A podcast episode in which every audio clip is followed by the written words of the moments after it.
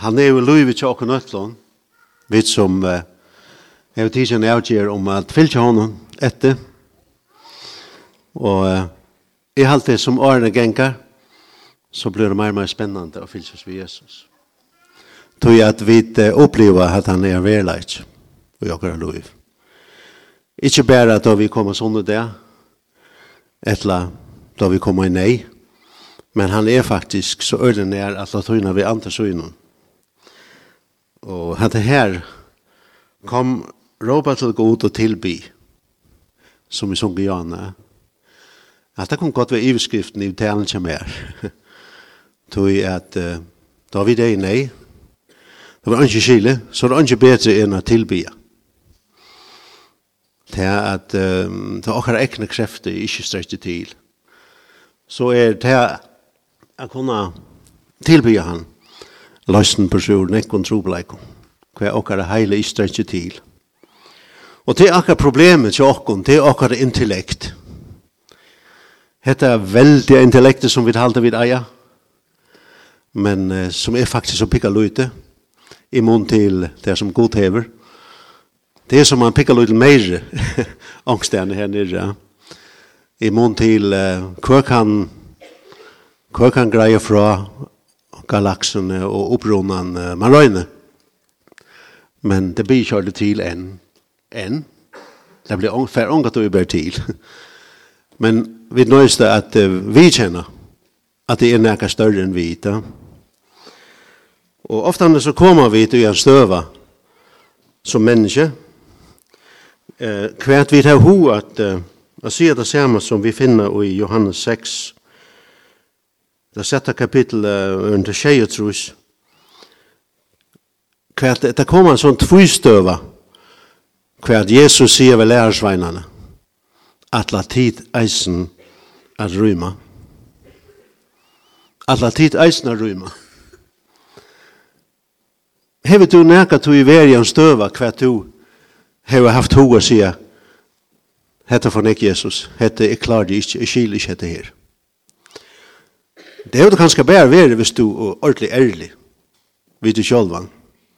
Og det er noe som er ringt til åkken til å være ærlig. Vi pynter alltid på åkken sjølv, vi fjærer og, og andre ting. Og det er så ringt å være ærlig. Og Jesus, da han tar seg ved åkken, så får han bant inn i egoet til åkken, og konfrontere åkken. Og hvor kommer dette tvistøven her, at la ditt eisen at rymme? Det gjør det til at at Jesus bank fram og undan blir det tåse om at eta han, eta mot kjøtt og drekka mot blå. Og i det satte kapittelet i Johannes som er øyelig torskilt, Og i ørende tjej i fjøret, så byrja han en søva om at det er vi lov kan du bære eia hvis du eter mot kjøtt og drekka mot blå. Og eh, for han gjør det å trekke blå.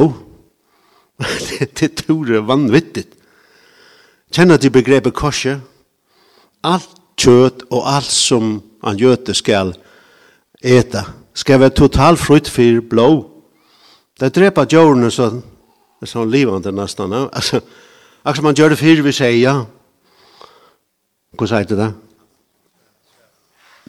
Ja. Og Man stinker det så at det blöjer ju ute. Du ikke blir köttet godt. Det føler förringar at du köttet blir godt. Da. Men jødene gjør det att att han ikke blå være i i noen. Nå begynner jeg sånn her, Jesus, å snakke om at att drekke hans här blå er äta hans här kött hver feilar. Skulle vi ha kannibaler? Og om man løter så, så skulle vi ha brevbrott, inte? Men det som han tog seg om, det er han innerlig fellesskap vi honom. Altså, katolikkerne, valsikna veru teg. de tega hetta for fullt. Hetta er hansara kjøt og hansara blå. For okkon er det blivit meira et sår. Vi gjør det bare. Vi er ærlige. Vi gjør det bare. Så det eier vi det gjør. Ja, det er breibrotting i morgen. Hvordan lengt, hvordan lengt skiljer vi, hvordan lengt får vi nye det her, at det er en innmøye fellesskap, at det er en fysisk fellesskap ved Jesus. Ja? Da han tåsa om dette her, så tåsa han om sånn deie av krossen hon. Og hvordan kunne det skilja til? Wow, det, det var ikke nevnt at det var skilja. Ja at da han døy av krossen hon, gav sur likam, fullstendig for okkon, og la bråsud renna for okkon, så er det til okkon å komme så nær til Jesus, at vi eisene her, ja? Jeg har fellesskap i honom. Og da jødene høyre det her, så er det, er det for nek for teimen. Er det for nek. Og så må jeg som man sier, hetta, hetta klarar vi det ikke. Ja? Hva sier det i ångsten her nere? Hvordan kan han geva okkum holdsut at eta? Jesus sier vidt det, sannlig, sannlig, sier til okkon, eta at ikkje holdt menneskjen sonens, og trekka tut ikkje blå hansa, hava dit ikkje luiv ui tekkum. Uh! Hetta hör tale, sier dei. Hetta blir ikke til. Hetta blir ikke til. Da kunne vi det. Men Jesus tog seg om krossen. Og de begynner å bære færre sted. Hetta for nek. Hette for nek er det gåa. Jeg har vært, jeg har vært nekva støv i mot lov, kan jeg føle, hette for nek Jesus. Hetta klarer ikke. Men det for nek. At det forstand slett Jesus.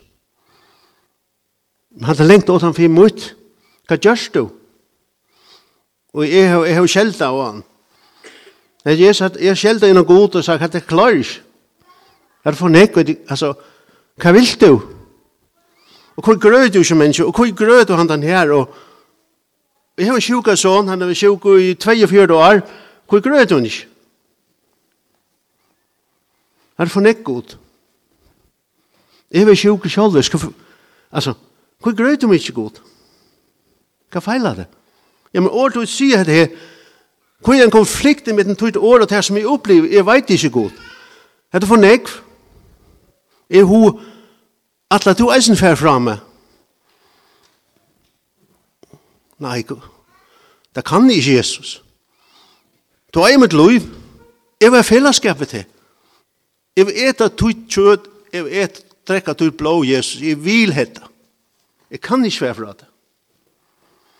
Hva er det til for nekka da man sier at Det er eit eit år trygg. Og fasthalda Jesus ut i hjärsta, uansett hva som hendte. Det er eit hva trygg. Uansett hva, jeg skilet ikke, Jeg veit ikke, og langt nere til å si, Jesus, i under tjeje trus, Jesus sier da vi hinne til at la dit eisene røyma, som en Peter sværer han, Herre, hva skal vi fære til? Du hever år hin, er vi er loiv, og vi hever tro og finnes ikke at suttja at du erst hin heilige gods. Har vi, har vi sett det? Har vi to sett det? At han er det? Ha? Hvordan jeg fyller okkar ego i okkar liv? Hvordan jeg vil... Jesus kører det ut og syr linjene her. Og nekk fer fra honom. Hvor Han nøyst av solta. Hvor er ekta vører her? Ja, men solta han okkon fer at han er fer. Hvordan tatt vi? Det betyr just det at vi fettler fra, eller at vi, at vi ikke eier noen frelse. Sjålan gjør vi det. Men hvis vi skulle tatt her på Jesus, så må vi for jeg tjøkken er. Eller, eller passer det slett ikke? Er det noe som vi har rønt noe til her? Er det noe som vi prøver rønt her? Er det hardt? Åh, oh, jeg får illt. Jeg tog meg ikke Jesus. Hvor skal jeg få jokken etter her? en av her. Så ble jeg sjuk. Og jeg fikk det aller ringaste som jeg kunne hukse meg til. Kjenner du at det her man ganger hukse om hver, hver, hver, hver ringaste sjuk? Her var det det så løsnes, ne? Jeg prøver å hukse det. Hver ringaste sjuk? Hver Jeg sier noen sjuker synes det her, det er helt sikkert, det de har tjekket på hva ringkaste sjukker. Jeg vet ikke, hva jeg alltid huksa. Altså, nega inn i heilan, nega i høtten, det må være det ringkaste. Og hva fikk jeg? En tomo i heilan. Oha. Tatt om, bang, og så var det. Jo, her var en tomo i heilan. Kanskje var han hamplig og gåast, ersta, kanskje var han, jeg vet ikke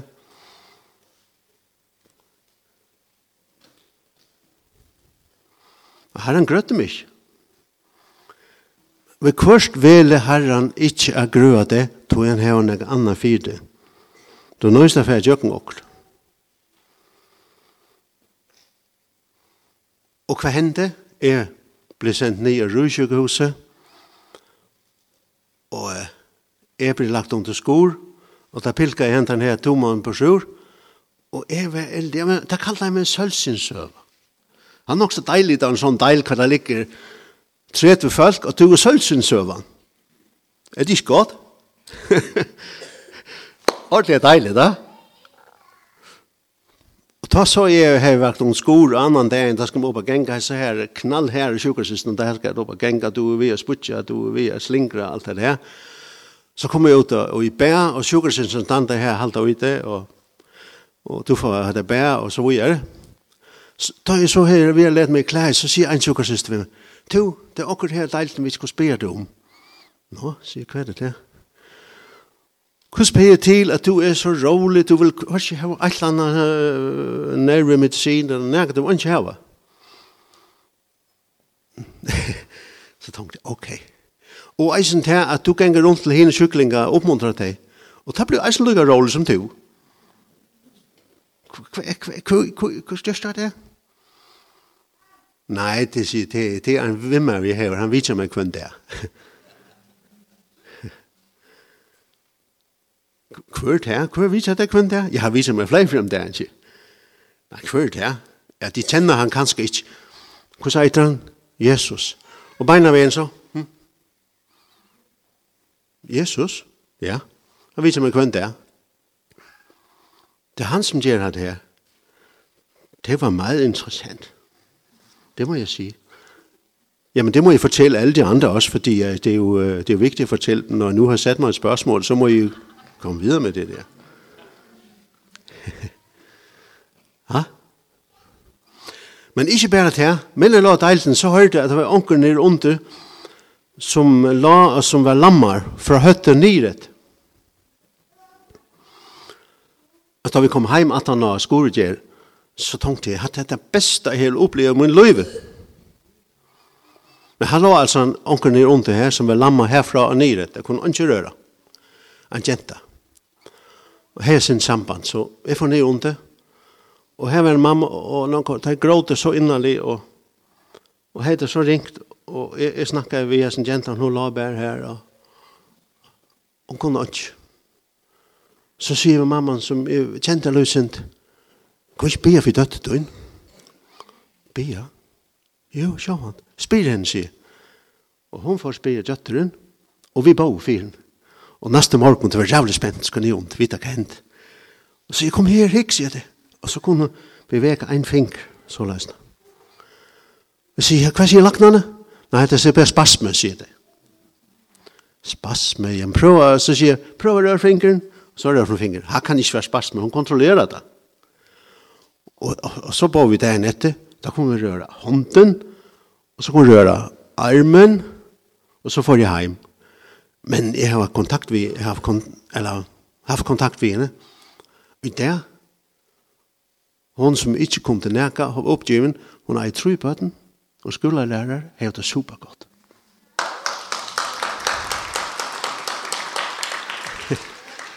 Men hva er det her? Hva er det her? trygg, sånn jeg, pikkaløyt, synd. Amen. Yes. Men altså, da jeg husker at det er vanvittig, det blir ikke til. Men, alle tid er røyma, alle tid er røyma for Jesus, niks, niks, vi er tjå honom. Ha? Klokkan gong. Men jeg har fellesskap med Jesus. Jesus ete hans herre kött. Och man løt skulle ha brevbrotting. Och trekke hans herre blå. Läta ut det være en fellesskap i honom. Och det det som vi annars har haft. En djupa fellesskap. Och innanlig, innanlig å føle vi er eit vi honom. Och i djöken krossen. Vi krossen lära vid att vara veik gjør okken stersk. Da er vi her nere, vi er veiker, og rudsjukkehusen er ekstrem veik. Men i hånden, vi er stersk. Ja? Vi krossen lærer vi at vi er veik, gjør okken stersk. Skiller det da? Fengar det da? Her er det. Men vi kvørst, vi kvørst, Var det sore mal? Kvist. vi kvist. Så lærer vi et eisen at Gud kan gå grøa. Og her vi hans navn var litt opp. Halda dit her nere i ursjukusen er mitt navn var nekka verst, prepen, null. Hva er det som var nekka verst? Jesus. Ha? Jesus var han som grøtte han denne jentan. Hon hevur alt gott lív. Preben var onk, Jesus var all. Men vi kvar så vele god at grua og her vi var Jesu navn litt opp. For en gån arn så igjen. Hette han sånn alle gusar det her. Er det klar? Spennende sikkert sikta belte. Alt det. For en gån arn så igjen. Da var etna og jeg en tur i en samkomme i Klagsvøk. Og her var tala, og her var som vi eisen gjør her, bjør fram til forbøn. Og her kom en kona fram som eh, heis boi i fem måneder til hun var oppe på veien. Og hun var i femte måneder. Og hun sier for okken at hun, eh, at det var tre av battene, hun er spoi ikke ved henne. Og Och hon hej hun har innlagt nægge färna tog hun var dehydrera hun måste få väska. Och laxen kunde inte hjälpa henne. Det är också där man har batten så kan man ikke få nægge selv med sina. Och vi kunde bia för henne. Och var helt elendig. Men hon var vi. Och här ble bia för henne. Och ja. Och så da vi bia, så sier jeg knappt. Kjenner de att det man kan få akkurat innskått, akkurat sånn, både den kallar det profetiske året. Man kan få nægget som man ikke selv eier. Knapple veit man nægget som man ikke veit. Knapplig veit man nægget som man ikke veit. Og så sier jeg vi er mævren, veist hva?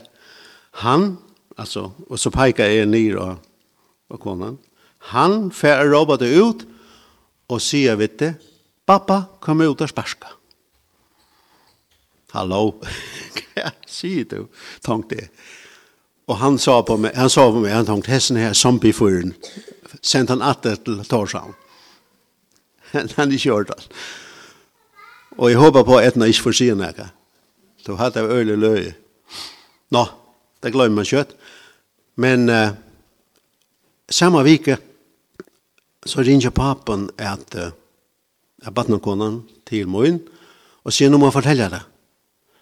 Manna morgon, da får hun ves vi at glasa vatten som vanlig, for nå skal hun ut og sputje. Det er sikkert vattenkonen som eit det her.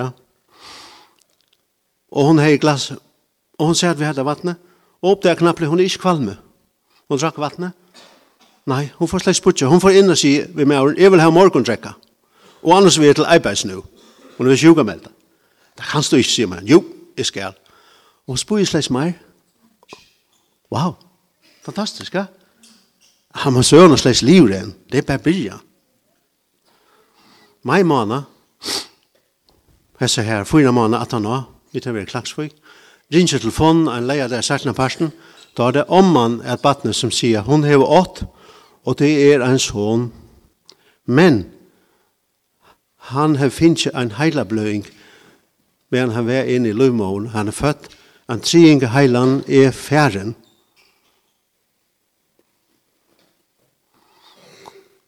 Kanskje for jeg var bia for.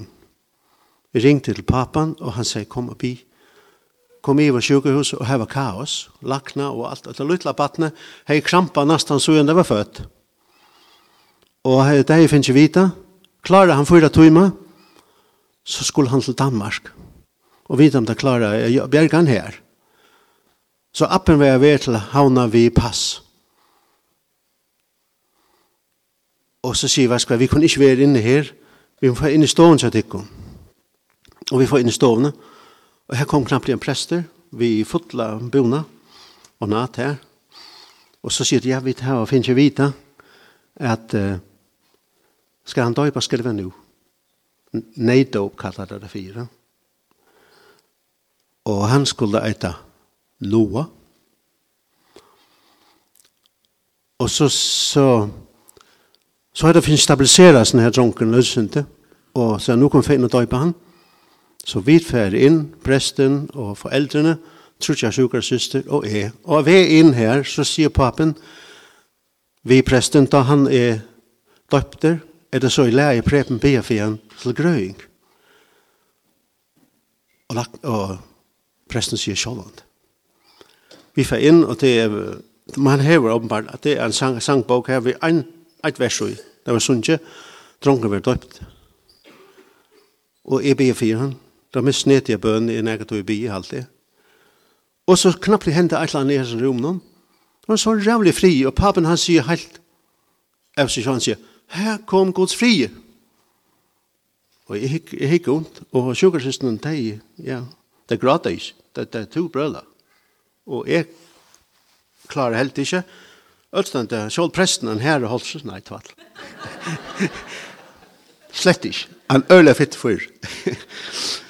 han greit eisene, tara. Vi stendte øyla her. Og han krampa i unge tog jatt. Han ble sendt heim at han er 60, ja. Han, han er ikke på mitt syn. Han kan alt. Det finnes ikke vita. Han kan sikkert unge tog jatt. Vi, vi høyre eller vinst så gjør det hva det er. Og, han er, vi tar vidt han, han er simpelthen så fitte drunk. Og en neurolog har vært i Danmark og sier, da der kom inn ved han, sier, er det der Noah? Jeg har lige læst en journal. Jeg trodde det var en, uh, hva sier det, epileptiker, nei, spastiker som kom inn. Og hadde vært tutsi bøtten inne her, så har han søsta i hev alt. Så god grøy. Amen. Jesu navn. Det er ikke fantastisk? Og det sier det, at det er ordentlig fantastisk. at det mest fantastiske er nægt å oppleve. Hadde nægt vi med å gjøre, i vår øvrigt. Nægt vi Jesus gjør, alt vi Jesus. Kom, let okon unge og i røyma fra hånden. Let okon ha fellesskap og gjøre hans herre kjøtt han er blå. Lær dere prøve å begynne å fokusere på hva betyr det, hva mesjer det virkelig å ha fellesskap med Jesus og være eit ved honom. Amen.